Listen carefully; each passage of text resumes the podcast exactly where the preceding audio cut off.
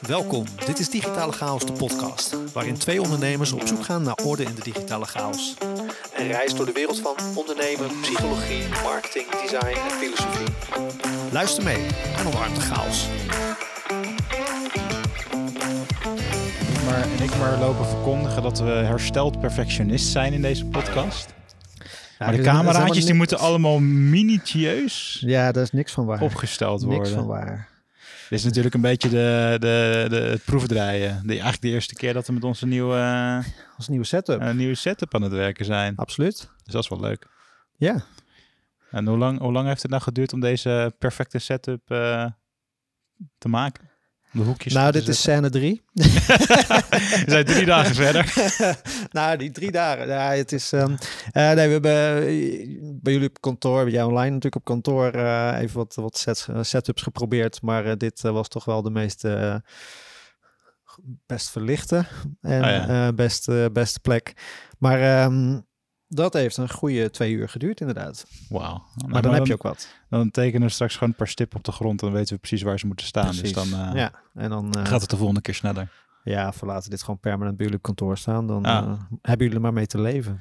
Ja, nou, wel leuk. Wel leuk. Nou, mijn naam is Christian Slierenrecht. Welkom. Ja, mijn naam is Jasper Giepsma. En eh, een mooi moment om de sponsor meteen even te be- bedanken, denk ik, voor deze nieuwe Zeker, setup. want eh, de setup eh, is mede mogelijk gemaakt, net als de hele podcast inmiddels, eh, door eh Nieuwings de Community voor entrepreneurs, door entrepreneurs, waar ze geholpen worden vanaf de oprichting tot en met de verkoop van hun bedrijf. En eh, ja, die heeft eh, mede mogelijk gemaakt dat we hier deze setup hebben. Dus eh, Ja. super tof. Ja, ja, mooi. Ja. Volgens mij was een eh, van onze laatste afleveringen ging ook over samenwerkingen. Ja. En ja, wel mooi hoe dat kan, eh, kan ontstaan. Dat je een luisteraar van de show eigenlijk aanbiedt om sponsor te worden. En, eh, Absoluut, heel gaaf. Dat we op die manier ook ehm, ja, eigenlijk een, eh, een soort upgrade hebben kunnen doen. En nu dus deze setup aan het testen zijn. Ja. Dus dat is gaaf. Ja, en Dus eh, eh, hoe vind je dat, zeg maar zo? Ik, ik merk wel dat ik nog een beetje naar de camera's kijk, maar dat moet ik gewoon even loslaten, denk ik. Ja, je bent wel wat zelfbewuster, merk ik. Eh, we hebben natuurlijk al een keer een proefopname gedaan die nog live komt. Dan zie je ineens allerlei tics die je hebt. Ik was met mijn vingers aan het tikken. Ik doe af en toe een soort piano spelen met mijn vingers. Ja. ik betrapte mezelf daarop. En ineens zie je allerlei dingetjes van houding tot en met andere zaken. En waar je met de podcast al bewust wordt van je stem en van stopwoordjes en eh, eh, dat soort dingen. Word je nu nog bewust van hoe zit je, hoe kijk je. Ik heb een pen in mijn handen. Ja. Ik draai ermee. neiging om in mijn wenkbrauwen heel erg op te trekken Ja. of een gekke gezicht te trekken. Dus ja, Ja, ik dat- vind het wel leuk. Ik vind het ook wel le- leuk. Ik vind het een mooie oefening ook om gewoon dan kijk, te kijken in dit gesprek of ik, of ik dat zelf wat meer los kan laten, zeg maar, als oefening. En eh, eh, het is ook gewoon weer een soort van volgend stapje in, eh, hè, waarbij Absoluut. we eerst best wel een tijd hebben gedaan over onze gesprekken überhaupt delen via audio.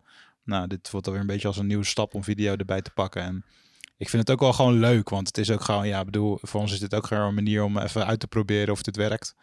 Ja. En, ehm, eh, en je kunt jezelf dan weer terugzien op video. Ja, en daar kan je ook weer dingen mee. En dan kan je misschien weer mee gaan spelen. absoluut. Ja, ik kan me Kijk, wel, doe, ik, eh, Hè, me wel even denken. Mijn telefoon ligt in beeld. Oh, ja, ja, ja, het doet me wel even, het doet me wel ook even denken aan zeg maar. Ik weet niet of jij dat eh, had tijdens je, tijdens je studie, zeg maar, op bij opleidingen, dat je soms ook wel moest gaan presenteren voor camera aan het opnemen.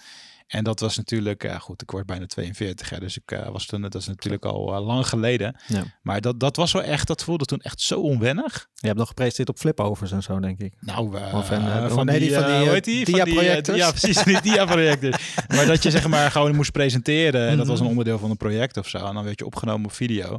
Ja. En dat het was zo awkward de eerste keer. Weet je, dat, ik heb dat dus nog nooit gehad op mijn opleiding, dat, Nee? je, moest, dat je werd opgenomen. Ja. Nee, ik wel... Nou, ik- ja, ik weet niet... ik- hmm, ja, ik vond het, het, het presenteren en zo nooit heel lastig. Ik moet zeggen, op de, op de middelbare school en de basisschool vond ik het misschien al wel heel spannend. spreekbeurten. Spreekbeurten en zo. Ja. Heb, jij, heb je toevallig ook een spreekbeurt gehouden over het aquarium? Nee. Nee, nee, ik kwam laatst op een, een post tegen van Nick Jansen op LinkedIn. Die had Oh. ook eh, een foto waarbij hij vroeger een spreekbeurt had gehouden over aquariums. En eh, Oh, nee. ik heb dat dus ook een keer over aquariums gehouden. Dus ik dacht, misschien is dat een ding, Nee. maar... Nee, stenen en kristallen. Dat was mijn, eh, mijn gaaf. ding. En eh, op de middelbare school was ik al zo'n wijsneus dat ik eh, voor Engels een presentatie gaf over presenteren. Oh ja, ja een beetje meta, Ja. meta-angle zoeken. Ja, dat vond ik dan wel, vond ik dan wel weer grappig. Maar eh, nee, maar ik ben, ik ben vrij vroeg op. ge- nou, op, op mijn 18e, 19 of zo ben ik eh, uiteindelijk in eh, winkels gaan werken, dus in de verkoop. En ehm, ja, dan sta je alleen maar te presenteren, dus dan word je ook niet zo bang meer op een gegeven moment om mensen aan te spreken. Dus met netwerkevenementen en dat soort dingen ook nooit, nooit heel veel moeite en voor Ja. groepen staan. Het, wat ik merk, als je voor een groep staat en je weet niet waar je het over hebt, dat is meestal het moment dat je heel zenuwachtig wordt. Of als, je, als je onzeker voelt over het onderwerp waar je over praat. Maar ik merk, ja, als ik nu ergens een presentatie geef, dan word ik als expert op een onderwerp wat toch al resoneert bij Ja. diegene of over mij. Dus ja, dan scheelt dat wel. ja. Ja. Nou goed, ik vind het wel leuk. Dat is voor mij, eh, zeg maar, ben ik nu een beetje mee aan het experimenteren. Wat meer eh, spreken voor, voor groepen en dat soort dingen. En dan is de podcast ook een heel leuk eh vehikel om een beetje dingen uit te testen en te kijken hoe je, ja, hoe je op camera overkomt. Ja. Dus, eh, Het is een grote groep over een lange tijd waar je ja, aan presenteert. Ja. Ja, ja, ja, ja, en die wordt alsmaar groter als het goed is. Ik ben dus be- waar ik mee bezig ben, is een beetje eh, te articuleren en, eh, en Ah, duidelijk spreken. En misschien wat meer vanuit de buik en dat soort dingen. Dus dat eh, ben, probeer ik een beetje, want ik heb soms de neiging om een beetje binnensmonds te praten. Dus als mensen moeite hebben om te herkennen wie praat, dan degene die binnensmonds praat, die, eh, dat ben ik, Jasper. ja. Oh, nice. Maar ehm, we hadden wel wat, wat bedacht voor deze aflevering. Als we nu toch op de camera zitten, kunnen we net zo goed af, eh, uit het eh, onderwerpen pakken die dichtbij liggen Ja. natuurlijk. Dus ehm, we hebben eh, gaandeweg al een klein beetje gehoord waar je natuurlijk mee bezig bent of welke transformatie je zit eh, met je bedrijf. En we dachten eigenlijk van nou laten we daar eens op inzoomen en te kijken waar jij een beetje mee bezig bent.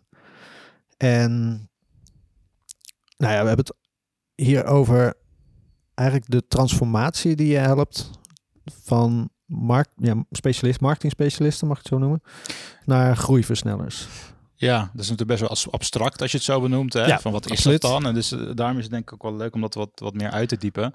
Ja. Ehm, eh, maar over het algemeen zijn het eh, vooral marketeers, creatieve ondernemers, webdesigners. eh waaronder de gedeelde, gedeelde laag ehm, ja, B2B zakelijke dienstverlening. Eh, en we focussen wel ons, ons specifiek in de marketing op zeg maar, die groep. Ja. Maar die groep kan in theorie ook ietsje breder, nog ietsje breder worden. En dan, daarin zeg je dus jullie helpen hun, dus die specialist naar een groeiversneller. En wat versta jij of hoe, hoe definieer je zeg maar een groeiversneller? Hoe, Ja, goede vraag. jullie dat? Goeie vraag. Eh, misschien goed om eerst iets meer context te geven bij hoe die term is ontstaan dan. ja, Ehm, we hebben natuurlijk een keer eerder een podcast opgenomen over ehm, het thema specialiseren is niet het gouden ei. Dat was er eentje. ja, We hebben een keer een, ehm, een podcast opgenomen ehm, eh, eh, waar we ook het onderwerp wat eh, verder hebben uitgediept. Mhm. Edwin Dijkstra. Ehm, en wat je eigenlijk ziet is dat zeker onder zakelijke dienstverleners en onder marketeers, designers, creatieve ondernemers zie je vaak dat er is een vaak soort van overtuiging dat je je moet specialiseren in één ding en daar heel goed in moet worden. Mhm. Dat dat de ene as eh, van het spectrum is. En de andere as van het spectrum is eigenlijk dat je generalist bent. Ja. En ehm, als ik kijk naar hoe wij zelf eh, de afgelopen eh, ja, 10, 13 jaar te werk zijn gegaan, kon ik me eigenlijk niet echt laten vangen in een van die twee ho- hokjes. Niet. Nee, ik- Ja. nee, nee, goed. Wel een beetje, een beetje wars van hokjes denken, maar Het syndroom Eh, van eh, ges- gespecialiseerde eh, generalist, zeg maar.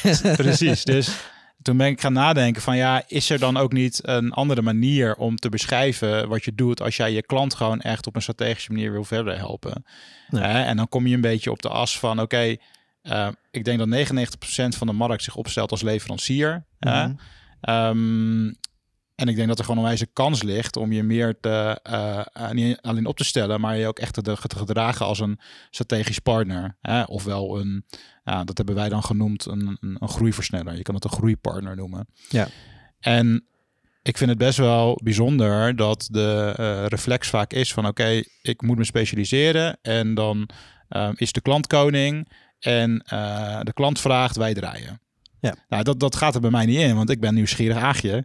Ik wil altijd eh, ja, achterhalen wat dan de reden is van... Oké, waarom wil jij iets? Waarom wil je een website? Waarom wil je een campagne? Er ligt iets Nee. onder, weet je? Het, het, het doel is... eh, net zoals dat een tool niet het doel is, is ook het middel niet een doel. Want daar wil je iets mee bereiken. Ja.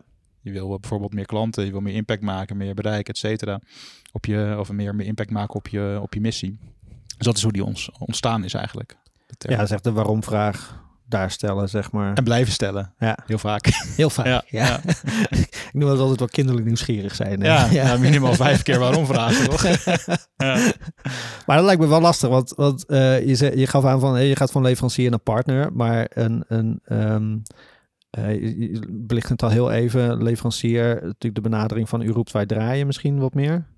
Ehm, maar als je je dan op gaat stellen als partner en inderdaad die, die waarom vraag gaat stellen, dat lijkt me best wel lastig voor je klanten of voor je bestaande klanten, waar je ineens een laagje dieper gaat graven. Want je weet Ja. allemaal hoe moeilijk het is als iemand tegenover je gaat zitten en vraagt waarom, waarom, waarom. Ja, Ja. dan, dan kom je op een gegeven moment wel tegen de blokkades waar je, waar je in zit, zeg Ja. maar.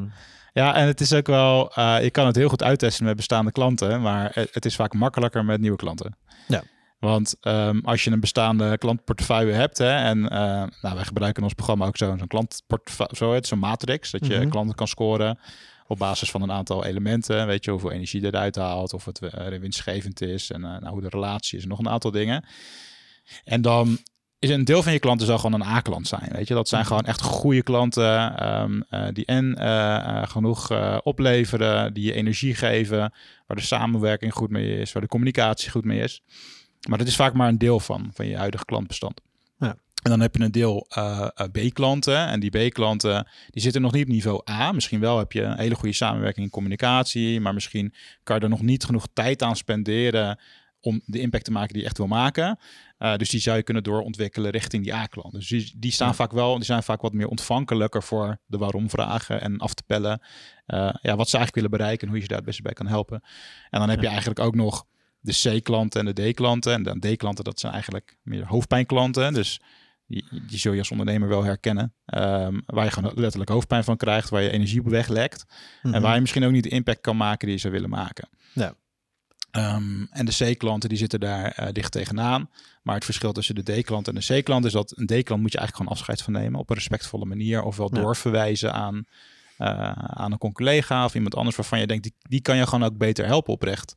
Ja. Ehm, en C-klanten, dat kunnen soms ook gewoon, eh, ja, ik weet niet, die BCG-matrix, ja, dat kunnen de cash cows zijn. Eh, Ja. Dat kunnen ook gewoon klanten zijn die wel gewoon een premium willen betalen voor je dienstverlening, waardoor je wel, eh, wel gewoon voldoende inkomen genereert en je dienstverlening is gewoon on point. Ehm, eh, maar het zal nooit een A-klant worden, want je kan niet in die strategische rol komen, waardoor je impact ook minder wordt. En waarom zou je dat willen? Waarom, zou je? Nou je zegt zelf van hè, die C-klanten, daar, daar zit eigenlijk het geld. En daar, hè, of tenminste het geld in, moet- is natuurlijk niet je doel op zich. Maar ehm, daar zit je sommige misschien mensen wel. succes, zeg maar. Sommige mensen, sommige mensen die, die hebben als primair doel geld verdienen, dat kan. Ja, maar dan, wat zou dan je motivatie zijn of je, je überhaupt om zeg maar dat specialisme wat meer los te laten en wat meer richting een groeiversneller te gaan of die transformatie aan te gaan, zeg maar. Ik denk dat je om te transformeren naar een groeiversneller of een groeipartner, hoef je een specialist mee om niet los te laten. Mhm. Dat is misschien een eerste reflex waarvan je denkt van oké, dat, dat dat nodig is. Maar ehm, ik denk dat het grote verschil is dat je zeg maar... ehm, kijk, wat je heel vaak ziet is dat, eh, nou neem als voorbeeld een SEO-specialist of een CA-specialist.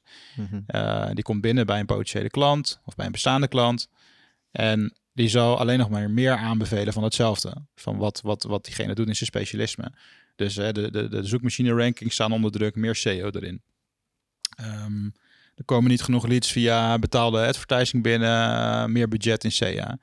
Terwijl als je eh, vanuit, die, vanuit dat, ooghoek, eh, dat oogpunt gaat kijken naar wat is nou eigenlijk nodig in een situatie. En je gaat wat meer uitzoomen. Dan zou het best wel dus kunnen dat die specifieke klant er meer bij geholpen is op de lange termijn om juist minder te investeren in jouw specifieke specialisme. Dat kan. Maar dan moet je dus wel op een hele eerlijke manier erin staan en iemand verder durven helpen. En soms jezelf weg durven cijferen en misschien een partner in te vliegen Mhm. die, eh, die meer toegevoegde waarde kan creëren. Ja. Ehm, dus het, het kan best wel counterintuïtief zijn, want het kan, op, het kan soms gewoon betekenen dat je ook een keuze moet maken die in, in dienst is van, jou, van jouw klant, eh, waardoor je op de lange termijn een trusted advisor blijft. Ja. En dat dan, dan, dan je, je- waarde gaat enorm omhoog. Want als jij een trusted advisor bent, ja, die klant wil graag met jou blijven sparren en met je blijven, eh, blijven schakelen. Want die weet gewoon dat je een eerlijk advies geeft. Ja. Dus je waarde die gaat niet alleen maar nog in je specialisme liggen, maar er komt een laag bij. Dat zit dus in die trusted, trusted advisor rol. Ja, dat vind ik wel mooi, want dat dat is denk ik ook waar voor mij de raakvlak heel erg ligt. V- ehm, eigenlijk het principe van een partnership, waarbij je je klant oprecht verder helpt en niet zeg maar aan het kijken bent naar je eigen gewin. Ja. En dat is ook waar wij, waar ik bij mij bijvoorbeeld vaak wel, waar wij de transformatie hebben gemaakt, ook richting eerlijk zijn bijvoorbeeld als we partners inschakelen en daar ook gewoon niet tussen willen zitten. Gewoon zeggen van nou, eh, wij doen geen development. Dat is een hele bewuste keuze die we op een gegeven moment gemaakt hebben. Geen, geen back-end development, laat ik zo zeggen. En wij hebben daar partners voor en die schakelen we dan in op het moment dat die nodig zijn. Ja. En, maar nu, voor mij nog wel een beetje, te, wat me nog een beetje onduidelijk is, eh, de groeiversneller. Hè, de- Eén aspect daarvan is dan dat je een partner bent voor je klant. Zijn er nog meer aspecten die eraan vastzitten? Want groeiversneller, ja, waarom heet het dan niet gewoon partner, zeg maar, of partnership? Hoe, hoe het wat voor jou nog wat meer vulling, invulling geven aan het woord, zeg maar. De belangrijkste reden nu gewoon, was gewoon dat we een sexy term nodig hadden. En eh stra- strategisch, partner was niet straks sexy genoeg. Eh, eh, en het is natuurlijk een leuk parallelletje richting ons programma ook. Weet je. je kan groei versnellen. heb, ik, heb ik nou met een waarom-vraag er doorheen geprikt? Ja, eh, eh, eh, Sorry, zeker sorry, weten. ja. Eh, nee, dit is, gewoon, het is, dit is gewoon een sexy naam voor, eh, voor groeipartner.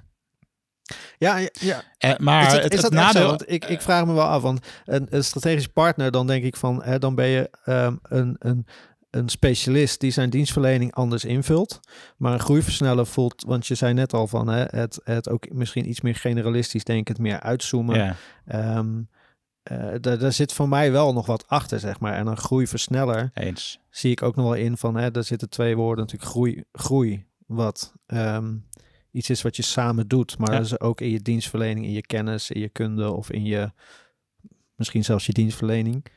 Ehm, want wat ik ook heel erg herken is dat je ehm, je klanten groeien natuurlijk op een gegeven moment, maar jijzelf ook. Ja. En soms ontgroeien klanten, True. maar soms kan je ook heel mooi meegroeien met jouw klanten. En Ja. dat ehm, en, het versnellen daarvan, het, het helpen versnellen van, je, van de groei van je klanten, dat vind ik, dat, dat vind ik wel heel mooi aan. Ja, het is eh, heel fijn dat je Ja. vraagt. nee, het zijn denk ik twee, twee dingen die, die, eh, die- wel goed zijn om te benoemen, om, om, de- om nog wat te verdiepen. En eh, de eerste die hem opkomt is heel erg het, het connecting the dots. Dus zeg maar, als je uitzoomt en je gaat meer een soort speelveld overzien, dan moet je dus ook in staat zijn om verschillende tactieken met elkaar te verbinden. Bijvoorbeeld, hè, als je het hebt over Ja. een marketing case. Dus ehm, dat is één. En de tweede is ook eigenlijk dat je we zijn heel erg geneigd, geneigd in als, als dienstverlener om dan die rol op ons te nemen ehm, en ons te focussen op ons product of ons dienst. Hè? Dus Mhm. wij zijn bijvoorbeeld ooit begonnen als een WordPress specialist. Eh, we maakten WordPress websites voor Nee. eerst ZZP'ers, toen MKB. Ehm, en dan ben je dus heel erg gefocust op je product. Want iemand wil een website en dat Ja. ga je voor ze doen. En dan ga je het efficiënt doen en misschien wel scherp geprijsd, et cetera. Maar wat je aflevert is een product, is een pak melk, Ja. weet je wel. Ehm, terwijl eh, eh, het, tweede, het tweede ding wat, ehm, wat een groeiversneller doet, het is eigenlijk meer een soort, ehm, het is iemand die ook consultancy snapt. Ja, en consultancy is ook wel weer een brede term, maar wat is consultancy eigenlijk? Het is eigenlijk, je gaat kijken hoe ziet de, de huidige situatie eruit? Wat is de gewenste situatie? En wat zijn dan de, de stappen nodig om daar naartoe te komen? Ehm, en dat staat dus los van alleen maar sec je product of je dienst. Van oké, ik heb een website. Dan is niet de huidige situatie, ik heb geen website. En de toekomstige situatie is, je hebt wel een website. Nee. En wat heb je daaraan? Je hebt er, geen, je hebt er helemaal niks aan. Ik bedoel, als, die eh, tijd is al een beetje geweest. Dat was precies. in begin 2000 Dus, was de- dat wel van, de- we moeten een website en niemand weet nog wat je ermee moet, maar je hebt er een. Ja. Dus je gaat de huidige situatie in kaart brengen. Nou, dan heb je Ja. allerlei hele mooie ehm, ehm, middelen en methoden voor en vragen die je kunt stellen. Dus je bent gewoon echt als een nieuwsgierig aagje toch wel aan de voorkant heel veel vragen aan het stellen. Niet, niet op een Mhm. vervelende manier, maar op een manier waarbij je gewoon de relatie ook bouwt. Dus Ja. je bent aan het begin heel erg bezig met het bouwen van de relatie. Ehm, vooral uit te vragen. Dus nog voordat je gaat samenwerken, probeer gewoon echt goed te snappen hoe die situatie van een potentiële klant eruit ziet. Mhm. Uh, of de situatie van een bestaande klant uit te diepen. Want misschien heb je, ben je altijd aan de oppervlakte gebleven. Nee. En dat gebruik je dus om ook, om ook te toetsen van kan ik jou echt verder helpen? Nou ja, de volgende stap is dan om ehm, een proces in te gaan waarbij je dus echt eh, even een stapje terug doet en wel zegt van hé, hey, we gaan ook eerst ook even nadenken over die strategie. Dus hoe kom je van A tot B? Mhm. En je gaat bewuste tijd nemen. En bij ons duurt het vaak gewoon een paar weken. ehm, om die strategie te vormen. En dat zou je ook, dat zou je ook in twee, in twee eh, als je jezelf twee dagen in een hok opsluit, zou je dat ook kunnen doen, bij wijze van spreken.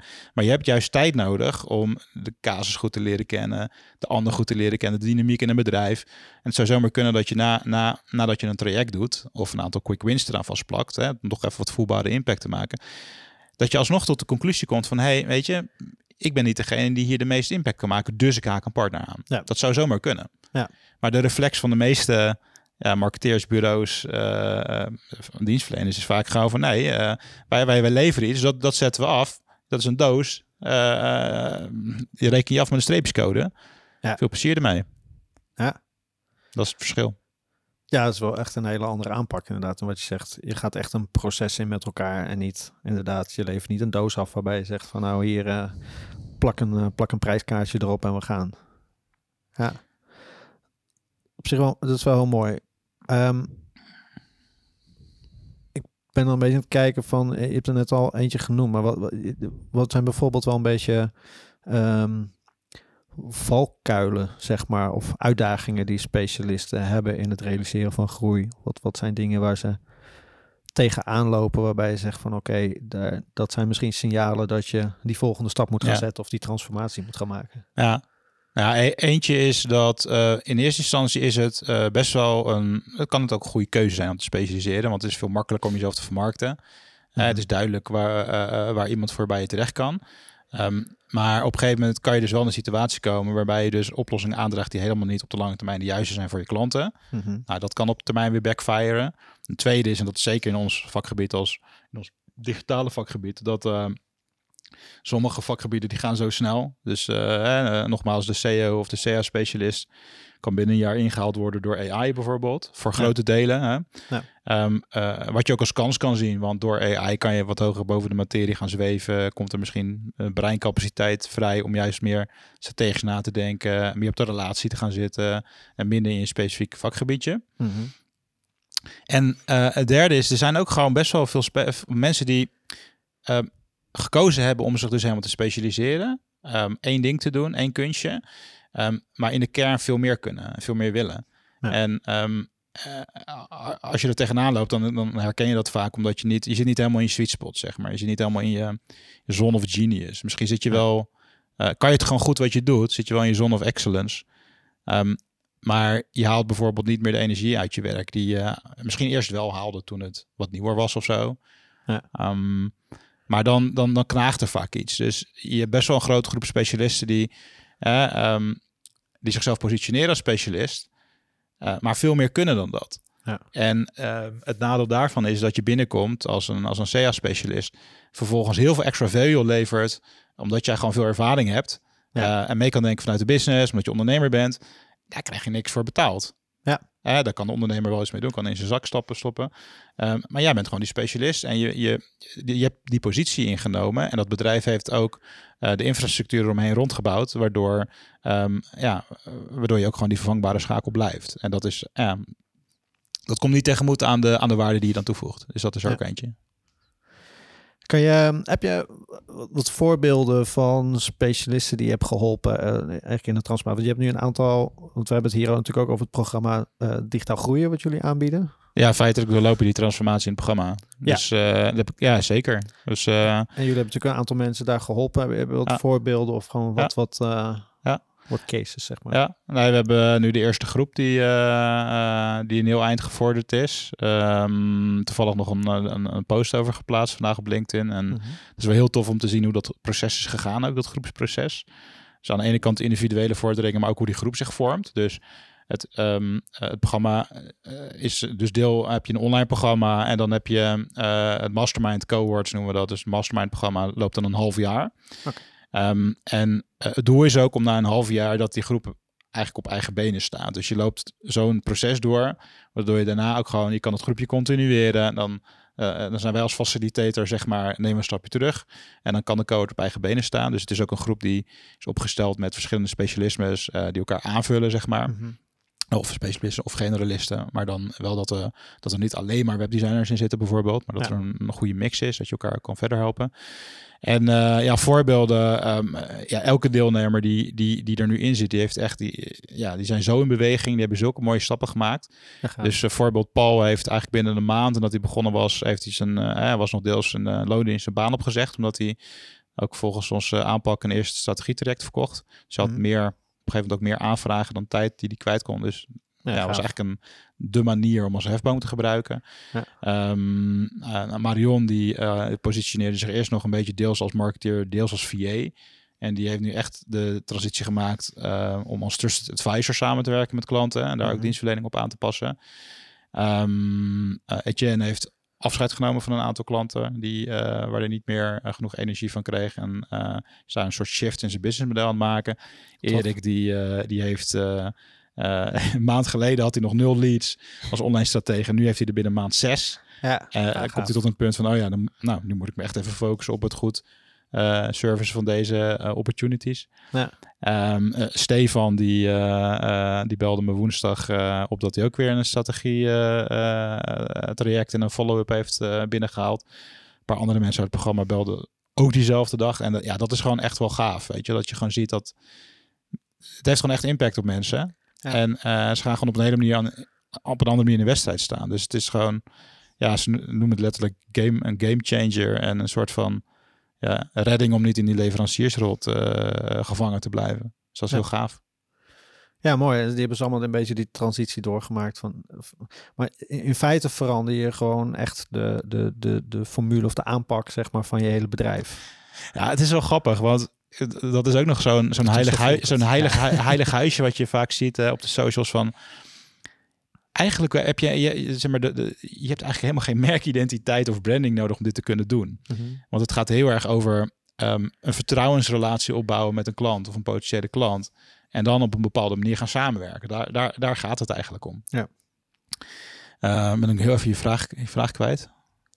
Uh, nou, in, in, dat je in principe je, je business een beetje omgooit. Eigenlijk je formule een beetje omgooit. Je, je bent om een voorbeeld te geven, wat, jullie uh, hebben natuurlijk transformatie doorgemaakt van web, uh, website leverancier, even zo gezegd, naar um, uh, meer marketing um, specialist, digitale marketing specialist, naar nu dus echt transformaties met, met jullie klanten doormaken. Ja. En nu zelfs dan het niveau dat je je, je conculega's bij, bij, bijna gaat opleiden of gaat helpen ja, transformeren. Ja, um, en dat zijn best wel flink andere businessmodellen of flink andere formules, om het zo maar te zeggen. Ja, dus, dus het is zo grappig, grappig uh, dat je dat vraagt, want de, in principe kan je nog steeds hetzelfde blijven doen wat je, wat je goed deed. Mm -hmm. Dus je kan, stel je bent een webdesigner, je kan nog steeds gewoon die website maken en uh, verbeteren en doorontwikkelen.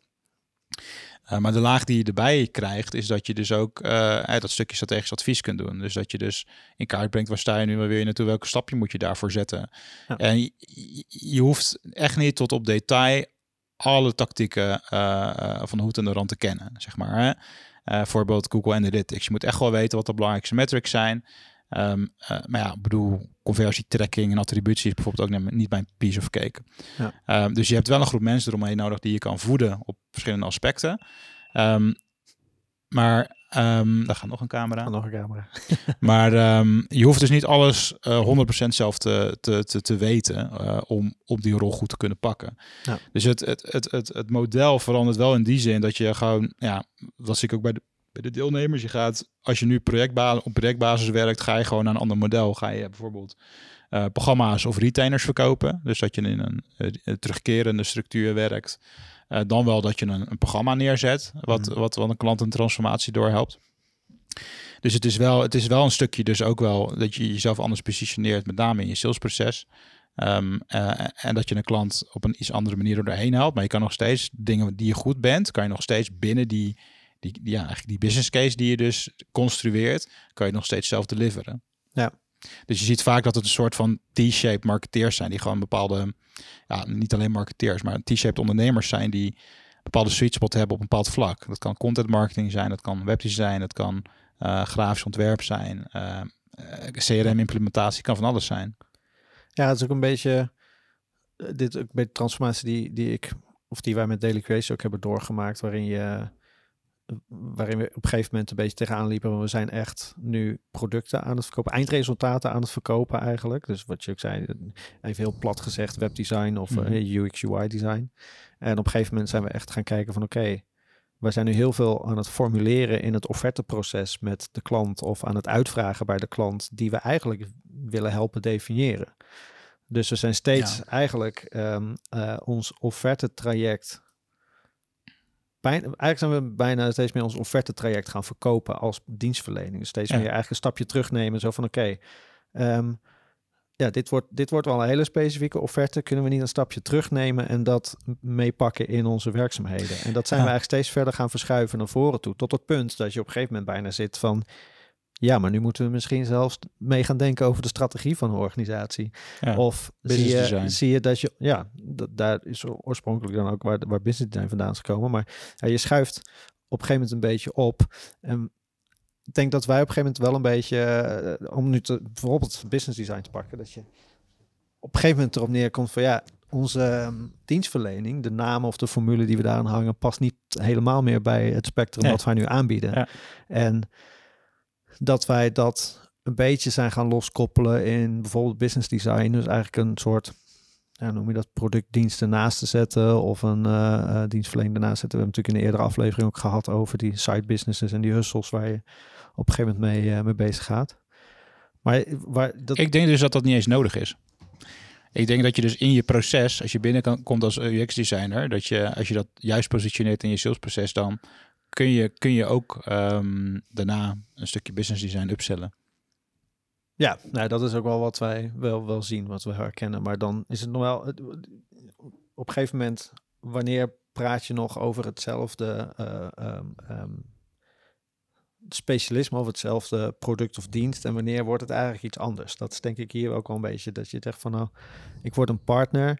Vanaf wanneer ben je geen COCA-specialist meer, maar een marketingstratege? Of, of hè, wanneer schuif je dan naar voren en is het nog te vangen onder die noemer?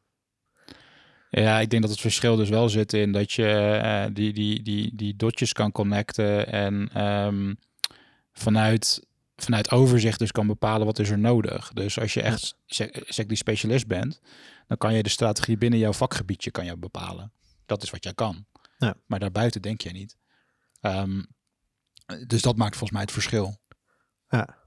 Of je in staat bent of een, om een opdrachtgever te begeleiden in dat proces. Dat is wel grappig dat je dat zegt, want jullie slogan is ook uh, Let's Explore Digital Empathy, right? Mm en daar zit ook het exploren in. En dat herken ik zelf ook heel erg. Hè? Ik heb laatst ook die, die MCO-test gedaan. Er kwam ook het, het, het, het, exploren heel erg uit als een intrinsieke motivator. Mm En dat zit dus ook in um, in zo'n strategietraject dus uh, uitdiepen.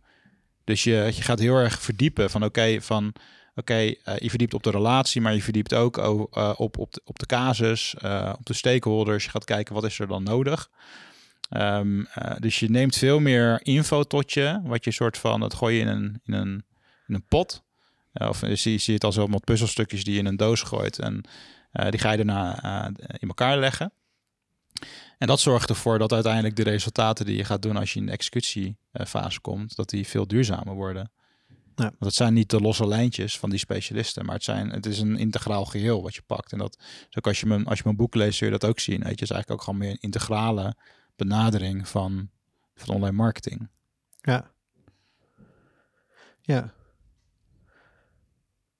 Ja, en toch, eh, um, um, ik wil ook een beetje richting de beetje te kijken richting de vraag van, van Roger, want natuurlijk van onze, van onze sponsor van Newings. Oh ja. Uh, die gooit ook altijd, helpt een beetje een vraag erin. En dat heeft een beetje te maken ook met die, um, met dat transformeren, ook als, als van specialist naar groeiversneller of hè, überhaupt in je businessmodel. Maar um, stel je hebt als specialist een hele succesvolle um, business is het dan op een gegeven moment beter om te zeggen van nou, ik, ik, ik verkoop bij wijze van spreken mijn huidige bedrijf, mijn huidige succesvolle formule en um, ik zet iets nieuws op. Um, want hè, de, de, de, toch van even als je het heel plat bekijkt van webdesigner naar online partner, als, laat ik dat even gewoon als, als, als transitie eh, pakken. Ja, je kan best wel een succesvol webdesignbureau hebben. Is het dan soms niet makkelijker om te zeggen van nou, ik, ik, eh, ik zet een nieuw bedrijf ernaast op, ik verkoop mijn oude bedrijf en ik ga me daarop focussen. Ja. Hè, dan heb je verse marketing, verse branding, verse klantenpool waar je in kan doen. Of je kan natuurlijk voor kiezen om jouw formule, en wat misschien best wel wat je zegt, vol kan zitten met cash cow klanten of met, met hele, hele, hele rendabele klanten, om die te transformeren naar iets nieuws. Ja. ja, ik vind het wel een hele goede vraag. Want eh, ik kan twee, twee voorbeelden. Uh, zeg maar het ene voorbeeld van, van webdesign specialist naar strategisch partner. Um, daar hebben we natuurlijk gewoon de transitie gedaan. Hè? We hebben niet Ja. ons webdesign label verkocht. En ehm, eh, dat was ook 100% een goede keuze. Want hè, we deden projectjes voor eh webdesign projectjes voor 3000 euro tot 5000 euro max per project. Ja. En door die transitie te maken gingen we naar contracten van eh 30.000 k plus per jaar. Ja. Eh, waarbij nog steeds webdesign een element kon zijn wat we konden leveren vanuit onze dienstverlening. Ja. Dus in zo'n geval zou ik zeggen van dat kan prima. Ja. Ehm, maar we zitten nu bijvoorbeeld in een transitie en we hebben, dan hebben we eigenlijk Mhm. dezelfde keuze gemaakt.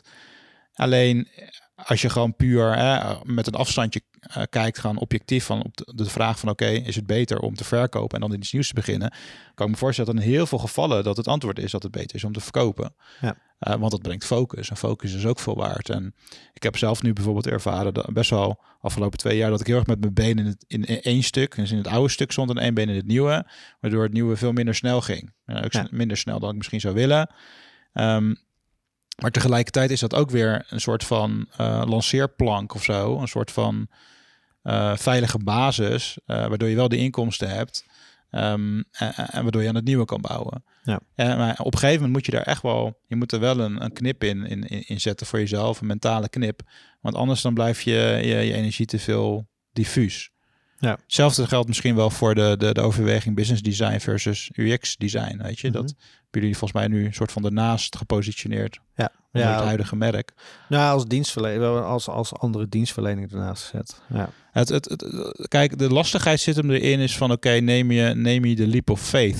Ja. Eh, ga je, zeg maar, dat, dat kan heel goed werken. Ehm, want dan, dan ben je gedwongen om die stap te zetten. Ja. En wij hebben onszelf nu een beetje wel eh, bewust ook in zo'n positie gemanoeuvreerd. Dat we gewoon hebben afgesproken, ehm, intern ook, van oké, eh, vanaf volgend jaar switchen wij, switchen wij gewoon naar het nieuwe model. Blijven we wel gewoon bestaande klanten bedienen. Dus we hebben nog steeds, dus er zit nog steeds zitten er webdesign eh port- klanten in de portefeuille. En dat, dat loopt zelfstandig. Daar, daar, daar, daar hoef ik in ieder geval niks meer aan te doen. Ja. Het is gewoon georganiseerd en dat loopt zelfstandig en daardoor heb je inkomsten. Ehm, maar voor een ander type samenwerking ja, hebben we wel gezegd van oké, dat, dat de, executie die gaan we niet meer zelf doen. Want onze ambitie ligt om eh, impact te maken op een visie. Hè? En die visie die gaat over MKB-bedrijven digitaal volwassen maken. Ja. Ja. dat kunnen we niet alleen doen vanuit een agency model. Dus dan ga je mensen opleiden zodat zij allemaal weer tien klanten per jaar die transitie kunnen helpen maken. Ja. Dus bij ons is het heel erg gedreven vanuit, vanuit een visie en een missie. En dus minder primair ehm, op de schaal, op de schaal ehm, eh, in het specialisme. Nou ben, ben ik ineens nieuwsgierig naar. ehm, want jullie helpen natuurlijk organisaties bij deze transitie. Hebben jullie zelf hier hulp bij gehad om deze transitie te maken? Ik hoor je natuurlijk heel in de wijvorm praten. Je hebt natuurlijk een business partner. Want natuurlijk het Ja. voordeel is dat je een sparringspartner hebt om daar wat mee te doen. Maar een solo entrepreneur of een solo ondernemer die, ehm, die moet dat zelf verzinnen. Ik kan me voorstellen dat je dan ehm, logischerwijs eh, misschien wat oogkleppen hebt of wat, wat vast zit in je eigen loops of in je eigen kader. En natuurlijk Ja. een business partner die kan je daar wat uithelpen. Maar hebben jullie, hebben jullie daar nog hulp bij gehad of Ja. coaching of Ja. iets in die ook. richting? Ja, maar zelfs, zelfs als, eh, al- zelfs als eh, compagnons. Mhm. Je kan, je, dat, ja, dat, dat herken je misschien ook wel, maar je kan niet in een compagnonrelatie, de ene compagnon kan niet de andere gaan coachen en andersom. Nee. Want je bent gelijkwaardig eh, in die relatie. En eh, een, een, coach-coachie relatie is heel anders dan een compagnon-relatie. Ja. Dus wij hebben ook beide, eh, we hebben ook beide coaching. eh Bij een coach. En ehm, deels dezelfde coach gehad en op een gegeven moment verschoven naar een andere coach. Ehm, op behoefte, zeg maar. Mhm. Maar ehm, ja, dat heeft er zeker, dat heeft er zeker in, zeker in geholpen. Want dan, het, het is een verandering, verandering is nooit makkelijk. Dus Nee. als je niet bewust werkt aan een verandering, ja, ik bedoel, eh, je bent echt een knappe, knappe jongen of meisje als je dat helemaal zelf, eh, zelf kan spiegelen. Want je kan, het is hetzelfde principe als dat je een, eh, een- brand designer bent of een, je, je, en je moet je eigen brand gaan redesignen. Ja, dat is hartstikke moeilijk. Ja, je- bakker ja. die zijn eigen brood niet eten. Ja. Nee, dat, ja, dat is hartstikke lastig. Van, Ja. nou ja, hoe objectief ga jij jezelf spiegelen? Ja. Dus ik denk, ik denk, ik, ik gun iedere ondernemer een coach toe. Ja. Ja. Of een klankbord, of een mastermind groep, of een podcast buddy. Ja, het is, wel een beetje, het is een beetje bedrijfstherapie dit, hè? Ja. Die podcast. nou, maar dat helpt ook weer, weet je. Ook dit soort gesprekken om weer bepaalde onderwerpen uit te diepen. En eh, dus dat, dat, dat helpt daar wel enorm in. Ja, precies. En ehm, wat, wat voor. ehm, als je zo'n transformatie doormaakt, en jullie hebben er natuurlijk ook al een aantal doorgemaakt, wat, wat voor soorten resultaten kan krijg je daar een beetje bij, zeg maar? Of wat kan je verwachten als je zo'n transformatie doorgaat, of in jullie geval hè, vanuit, vanuit eh, richting een groeiversneller? Wat, ja, hoe, eh, hoe zie je dat? Ja, dat zijn twee verschillende dingen. De eentje is denk ik van, oké, wat, wat, wat, eh, wat, voor, wat, wat ervaart een, iemand die zich ontwikkelt tot, tot die groeiversneller? En ehm, de andere is, hoe heb ik het zelf ervaren, zeg maar. Ja. Ehm, bij, bij een groeiversneller denk ik dat je een paar dingen gaat ervaren. Dat je zeg maar echt wel een paar aha-momenten krijgt op een paar vlakken. Ja. En eh, dat zijn in ieder geval de volgende. Ehm, eh, je gaat de waarde inzien van ehm, jezelf afremmen van je reflex om meteen in een oplossing te schieten. Ja. Ja, dat zie je heel veel, heel veel creatieve ondernemers hebben. Dat die willen gewoon helpen. En Ja. eh, wij willen ook graag helpen. Maar die, dat is echt een reflex die je moet tegenhouden. Dus je moet zelf eh, echt, echt tegen jezelf zeggen: Oké, nee, we gaan eerst even een stapje terug. We gaan even kijken: Oké, waar sta je? Waar wil je naartoe? Wat is daarvoor nodig? En niet meteen eh, alles uit gaan tekenen en, en, en alle ja, oplossingen al paraat hebben. Eh, dat is er eentje. Ehm, een tweede is dat je gewoon ook echt kracht gaat inzien van het schetsen van een, van een bredere business case. Waarin je dan een specifiek onderdeel misschien zelf op kan pakken. Maar je kijkt breder dan alleen je eigen straatje. Ehm, en een derde is dat je gaat merken dat daardoor je, eh, je relatie met je klant en die samenwerking heel erg verandert. Dus je, je komt een soort van, ik, ik hoor dat letterlijk ook terug van deelnemers aan, aan, aan de mastermind van, ja, eh, eh, je, je wordt nog net niet, eh, zeg maar, ehm, eh, gebeld als iemand zijn vrouw ten huwelijk gaat vragen. Ja, ja, Ja, dat is, ja, het is gewoon een hele andere manier. Wat, wat dus als effect hebt dat je ook, je, je gaat veel, ehm, ik denk op een veel ontspannende manier ondernemen. Want je relaties zijn veel menselijker en veel gelijkwaardiger of zo. Ook al, en, en, en je zult altijd wel, ik bedoel, als je betaald wordt, dan is natuurlijk die, die relatie is altijd nooit helemaal gelijkwaardig, want je hebt iemand die de ander betaalt. Ja. Ja. Ehm, maar tegelijkertijd eh, verandert je relatie wel zodanig dat je ehm, bijna een soort van mee gaat ondernemen. En letterlijk, een van de deelnemers het programma nu, die, die, die kwam woensdag dus uit zo'n, uit zo'n gesprek. Eh, die had al een, een, een deel, een strategiefase verkocht. Gaan nu dan, willen dan binnenkort een, een stuk uitvoer ingaan. En die ondernemer komt zelf ook, die opent het gesprek van, hey, kunnen we ook niet, eh, als we daar zo als een partner ingaan, kunnen we dan ook niet iets doen van dat we er samen van groeien. Dus als de omzet toeneemt, eh, eh, dat we daar een afspraak over maken, over een, een de, de bepaalde de exacte invulling kan je verschillende dingen mee doen, maar dat je dus samen groeit. Met je value-based pricing idee. Ja, je kan heel veel, verschillende, Ja. heel veel verschillende dingen. Je kan denken aan kickback constructies, maar je kan op termijn zelfs nadenken over participeren. Ja. En dat is, een, dat is dus een situatie waar je dan in kunt komen, waar je niet in komt als je een leverancier bent. Daar kom je gewoon niet. Het zijn wel, eh, ik, eh, dit dit zijn helemaal hele herkenbare eh, situaties, denk ik ook wel. Waar je, ik heb letterlijk, wij hebben letterlijk met een aantal van onze klanten inderdaad dat we op het punt stonden om te participeren. Of, of merk ook soms dat je vanuit intrinsieke motivatie ook veel meer wil helpen. Dat we ook Mhm. gewoon zeggen van.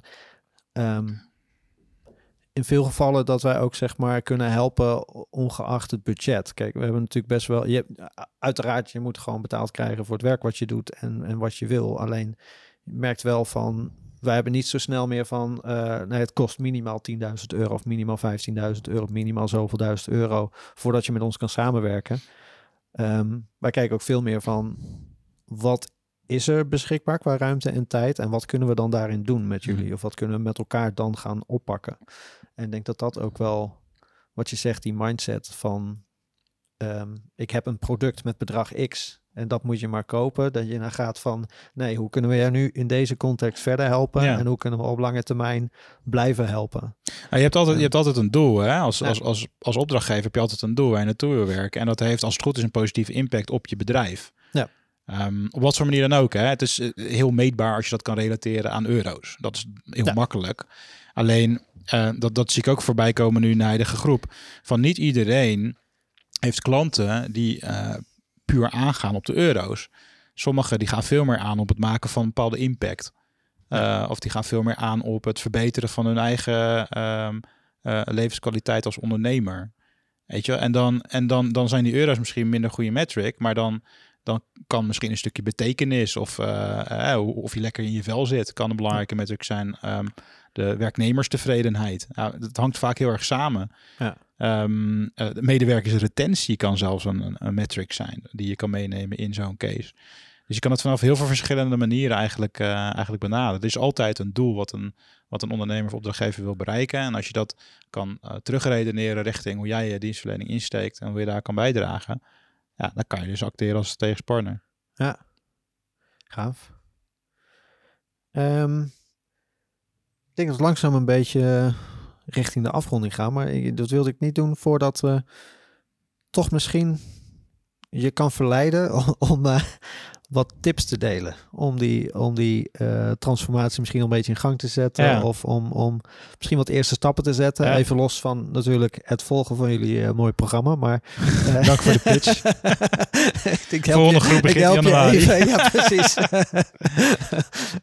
Nee, ja, de- ik heb wel een paar tips hoor. Ja. Kijk, het, het begint eigenlijk altijd wel bij het boven tafel halen van je eigen beperkende overtuiging. O- de overtuigingen. Kunnen er ook meer, meervoud Kleine zijn. tip dit. dit Da- daar, daar start het mee, hè? Ja. Want eh, zo hebben we Ja. het zelf ook ervaren. Van op een gegeven moment gingen wij gingen de, hebben we een knop omgezet. Hebben we gewoon gezegd van vanaf wij, wij, doen, wij, zijn, wij, wij werken als een strategisch partner. Ja. En, en niet meer. Wij, wij, wij maken webdesign eh, projecten. en, en dat zijn we gewoon gaan vertellen. Dat verhaal zijn we gaan vertellen. Eerst aan onszelf, heel vaak aan onszelf. Want toen geloofde het op een gegeven moment bijna een soort van. Ja. Maar we geloofden het pas echt nadat een, eh, een, een klant, en dat is vaak dan een bestaande, je kan beginnen bij bestaande klanten. Dat een bestaande klant zei: Hey, gaaf, dat, eh, ja, dat, eh, daar ben ik naar op zoek. Dat wil ik wel. Ja. En dan ben je het. Want je, bent, je hebt het verkocht en dan kan je vanuit daar verder bouwen. Hebben hier nou stiekem een medicijn voor het imposter syndroom? Ja, hetzelfde, geld, hetzelfde geldt als eh, wil je Ja. auteur worden. Ja, ik ben nu auteur. Ja, toen ik, voordat ik een boek schreef, was ik dat niet. Toen dacht ik van, oh, wie ben ik nou om een auteur te worden? Ja. Ik ben ook podcastmaker. Ja. Ben ook vader. Ja, dat is dan iets andere, iets andere lijn. Ja, nee, Eh, grappig, want dit is letterlijk wat... Ja, dit bij ons ook is er op een gegeven moment zo'n knop omgegaan dat we zeiden van oké, we gaan gewoon UX design verkopen. En toen kwamen we, of tenminste verkopen, ik zeggen, we, willen, we zijn UX designers. Dat zijn we op een gegeven moment gaan zeggen tegen onszelf. En toen kwamen wij op een hele gekke manier op in een gesprek bij een partij waar we dachten van nou laten we eens wat freelance, eh, freelance een klus doen. We hadden gereageerd op een freelance project. En dan zaten we bij die, eh, bij die mensen te, eigenlijk te vertellen wat wij deden en hoe ons proces eruit ging zien en dat soort zaken. Ja. En eigenlijk, ehm, zeg maar, ik noem het wel een beetje, het was een beetje bluffen. Het was, we waren wel overtuigd dat we het konden, maar we hadden het eigenlijk nog niet gedaan. Ehm, en die klant zei van, ja, maar jullie willen helemaal niet een freelance hier gaan werken. Jullie willen een, een project gaan doen. En Ja. als je wil, heb ik een project voor je. Laten we dat op die manier gaan Ja. aanvliegen. En wij zaten echt zo van, ja, ja, tof, tof, tof. En die zei, kun je morgen beginnen? Ja. wij, eh, ja, Kunnen we wel. natuurlijk. Ja. Dat is mooi hoe het En werkt, hè? en toen zaten we in een dikke paniek in de auto. Nou ja, ook, ook wel iets heel moois of zo. Een hele positieve vibe. Maar toen zijn we wel dat project ingegaan. En Ja. dat was nog steeds... Stiekem nog steeds een van de mooiste projecten die we gedaan hebben. Ja. Gewoon, gewoon echt wel heel gaaf om dat zo te doen. Maar inderdaad, wel door die keuze te maken van... Oké, waar zijn dit nu? Ja. We gaan dat nu vertellen. We gaan het verkondigen. Laten we gewoon gaan doen. En ehm, Het is, eh, ja, we zijn Ja. dit of we zijn dit aan het worden. Dan die Ja. overtuiging. Dus dat is, ik, ik, zal, ik, zal drie, ik zal tot drie tips gaan. Ik kan er nog veel meer geven. zal drie, dit is dus tip één. Dus, Ja. dus, dus eh, hou je beperkende eh, overtuiging boven, boven tafel.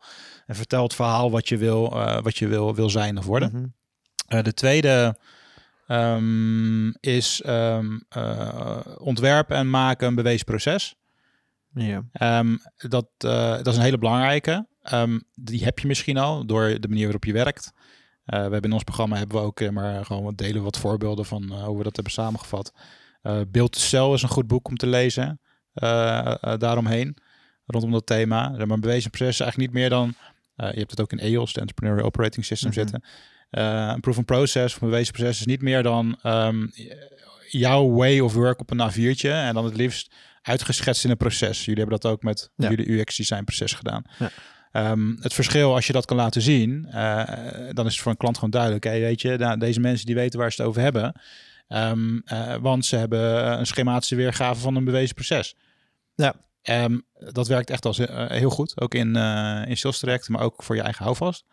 Ja, en ik denk dat dat, daar even wat klein op aan te vullen. Ik denk wat vooral ook maakt, is dat je van iets wat wat ongrijpbaarder is of iets van wat wat moeilijk tastbaarder is, toch iets tastbaars maakt. Want dat merkten wij ook van wij willen eigen klanten helpen om een proces door te gaan. Ja. Maar als je dat alleen gaat vertellen, dan hebben ze zoiets van ja, maar wat, wat gaan we nou echt doen? Of wat gaan we nou uh, doen? En dan beland je alweer heel gauw in, oh ja, zoveel interviews, zoveel uh, ja, gesprekken, zoveel creatieve sessies. Ja. Terwijl je eigenlijk naartoe wil van, ja, nee, maar we gaan een proces in, dat kost tijd. Uh, en, en, daar kunnen we wel van zeggen van oké, dit, dit kan je verwachten.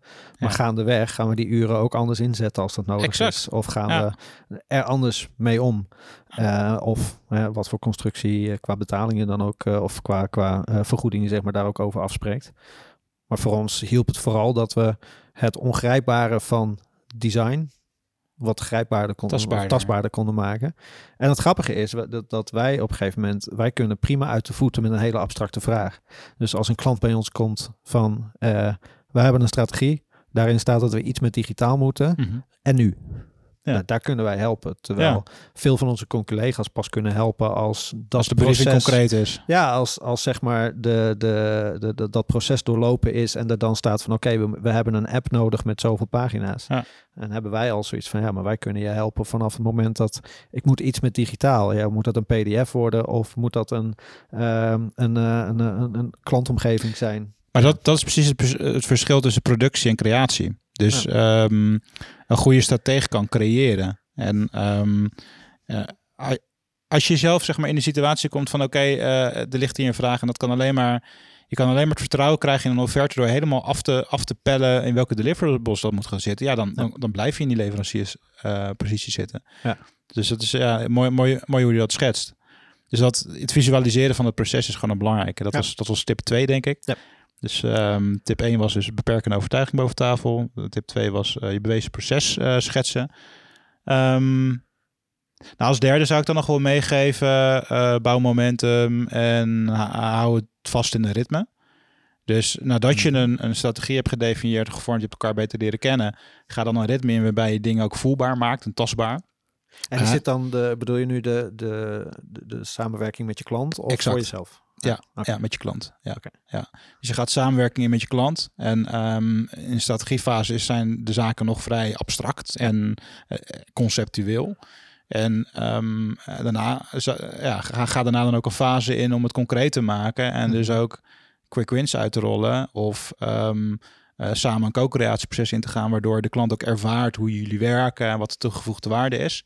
Ja. En uh, laat dat dan niet los op een gegeven moment, maar ga dan ook een ritme in. Weet je wel, ga een periodieke ritme in van bijvoorbeeld maandelijks even checken wat is er gebeurd, waar gaan we naartoe, of werk in sprints. Weet je, je kan het, het is een beetje afhankelijk van wat je doet natuurlijk. Uh, maar als momentum eenmaal gebouwd is, houdt dan ook vast. Dat is in, in alles heel erg belangrijk. Ja, en dat is denk ik ook alweer de stap die je maakt van leverancier, waarbij je misschien ook inderdaad dat pakket idee hebt van uh, Precies. je hebt x resultaat. Doos over de schutting en ja, uh, x, klaar. X, resultaat na uh, x tijd. Ja. Waarin je met een partnership meer kijkt van oké, hoe ga je op lange termijn met elkaar doorgroeien, met elkaar. Dat is precies wat je in mijn, in mijn boek Worden was ook ziet van het Vink-model. Dus van de idee naar conversie, idee, platform, traffic, conversie. Het is, het is een cirkel die ja. continu blijft draaien. Je kan zien als een vliegwiel. En dat is denk ik ook wat een strategisch partner doet. Ja. Super mooi. Ik heb al een mooi, mooi beeld gekregen. En eigenlijk alleen maar enthousiaster geworden over wat jullie doen. Leuk, ja. goed om te horen. Had je zelf nog dingen waarvan je zegt van nou, dat, dat wil ik nog meegeven? Of um, misschien wel goed om, om ook even aan te geven van um, ondanks dat dit geen marketing, eh, eh, geen reclamepraat zou moeten zijn. Maar ik vind het wel goed om even te zeggen, waar kunnen ze je vinden? Waar kunnen Ja. mensen die nu getriggerd zijn van, nou, ik zou die transformatie al willen maken. Ja, nou, digitaalgroeien.nl kan je Mhm. op terecht. Volg me via LinkedIn. Ik deel ook meerdere keren per week ook, ook posts die je hierbij kunnen helpen. Los van het feit of je mee wil, wil doen aan het programma. Mhm. Lees van mijn boek Word eens volwassen is een goed startpunt. Ja. En ja, we zijn nu dus weer een mastermind cohort aan het vullen. Die start begin januari. Eh, in januari. Dus eh, er zijn nu nog een paar plekjes. Dus als je deze podcast, als deze live is, wees je dan snel bij. Als je, als je iets lijkt, dan kunnen we altijd een keer vrijblijvend eh kennis maken. Ja, en dat is dan via digitaal of uh, Digitaalgroei.nl. Ja. Ja. Helemaal mooi. Ja. Gaaf. En luister natuurlijk de podcast. Zeker. maar dat doe je al, dus ja, dat scheelt. ik ga deze zeker terugluisteren. Want dit, helpt, dit, helpt, dit soort gesprekken helpen mij ook weer heel erg Ja, om uh, gaaf. zeg maar, hetgeen wat we doen weer wat aan te scherpen en te kijken van oké, okay, uh, hoe is die boodschap eigenlijk? Dus, ja, ik weet niet of we misschien hier, we hebben, het, we hebben het nog niet gedaan, maar misschien aan gaan kondigen wat, wat we gaan doen. Of uh, gaan we dat nog even geheim houden? En dan heb je het over shortcast. Over de shortcast, ja. Nou, mensen die de app Blinkist hebben, die hebben daar een ander beeld bij hoor. Maar dat, uh, dat is even een ander verhaal. Maar uh, nee, we zitten nu natuurlijk op het ritme van elke twee weken een uh, aflevering live zetten van inmiddels gemiddeld een uur. En gemiddeld 50 minuten. nou, ik, zat onze, ik zit onze oude podcast op YouTube te zetten. En ik merk dat de, in de oude podcast hadden wij één op één gesprekken een half uur en interviews een uur. Oh ja. Maar inmiddels zitten al onze afleveringen op rond een uur, zeg maar Okay. tussen de 40 minuten en de uur. Maar um, jij kwam met het idee om um, naar een wekelijks ritme te gaan. En dat dus eigenlijk de twee wekelijkse afleveringen af te wisselen met korte solo casts. Ja, dat was ook een beetje maar... geïnspireerd door uh, Dario of CEO, of hoe heet die gast, Steven Bartlett, die ja. uh, ook een aflevering maakte en die liet zien letterlijk in zijn, hij liet letterlijk zijn statistieken zien dat op het moment dat zij van uh, naar wekelijks, wekelijks publiceren zijn gegaan, toen nam de aflevering, nam het bereik echt een vlucht. Um, combinatie met YouTube, waar we ook mee bezig combinatie zijn. met YouTube en die, die consistentie, zeg maar. Ja. Uh, alleen het is voor ons qua ritme is het uh, niet te doen, want wij hebben ma Ja. maandelijks opnamemomenten, ook met gasten. Dus dan moeten we het laagdrempeliger maken. Dus het, we hebben ooit het idee gehad van een op de podcast. Ja. Zeg maar een korte uh, podcastvorm die, ja, die je gewoon even kan luisteren als je op de wc zit. Ja. Um, uh, dus dit zou ik heel tof vinden. Ook om uh, aan de ene kant kan jij uh, je onderwerp uitdiepen onder designerism. Um, uh, en aan de andere kant kan ik ook proefballonnetjes, kan ik ook pro proefballonnetjes oplaten met uh, uh, die gaan over transformatievraagstukken. Uh, die gaan over boeken, inzichten die ik uit boeken haal. Weet je, Ja. dat vind ik ook heel tof om, uh, Zeker om dingen uit te delen. We hebben ooit Um, nog een keer een boekenkast gemaakt. Ja, nou, maar dat zou dus betekenen gedeeld, dat ja. dus vaker een soort Ja. van. uh, ik heb ook al. Lijkt me ook heel tof. Ja, ik heb ook al iemand die dat ook wel leuk zou, zou vinden om daar ook iets aan bij te dragen. Moet een beetje zoeken naar de vorm hoor. Maar ik denk wel dat als we naar een wekelijks ritme zouden gaan, dat. Ja, dat dat ook ons kan helpen bij ons vormingsproces voor bepaalde thema's en misschien ook, ook qua bereik. Ja, want dat vind ik wel leuk inderdaad ook om te kijken van kunnen we dit uh, het bereik nog wat vergroten, maar ook inderdaad van kunnen we nog wat meer waarde toevoegen en het ook leuk houden voor onszelf. Dus uh, ja, het lijkt me tof en als het lukt, daar misschien video aan toe te voegen. Want Ja. inmiddels houden ze er steeds halverwege mee op omdat ze te warm worden, de GoPro's. We dus, hebben- dat is nog learning by doing. learning by doing. Dus de volgende multitalent wat we willen ontwikkelen, een Ja. beetje video. Ja. Uh, Ja. dank- Dankjewel voor deze. Ja, bedankt. En tot snel. tot gauw. Ciao, ciao. Later. Hoi.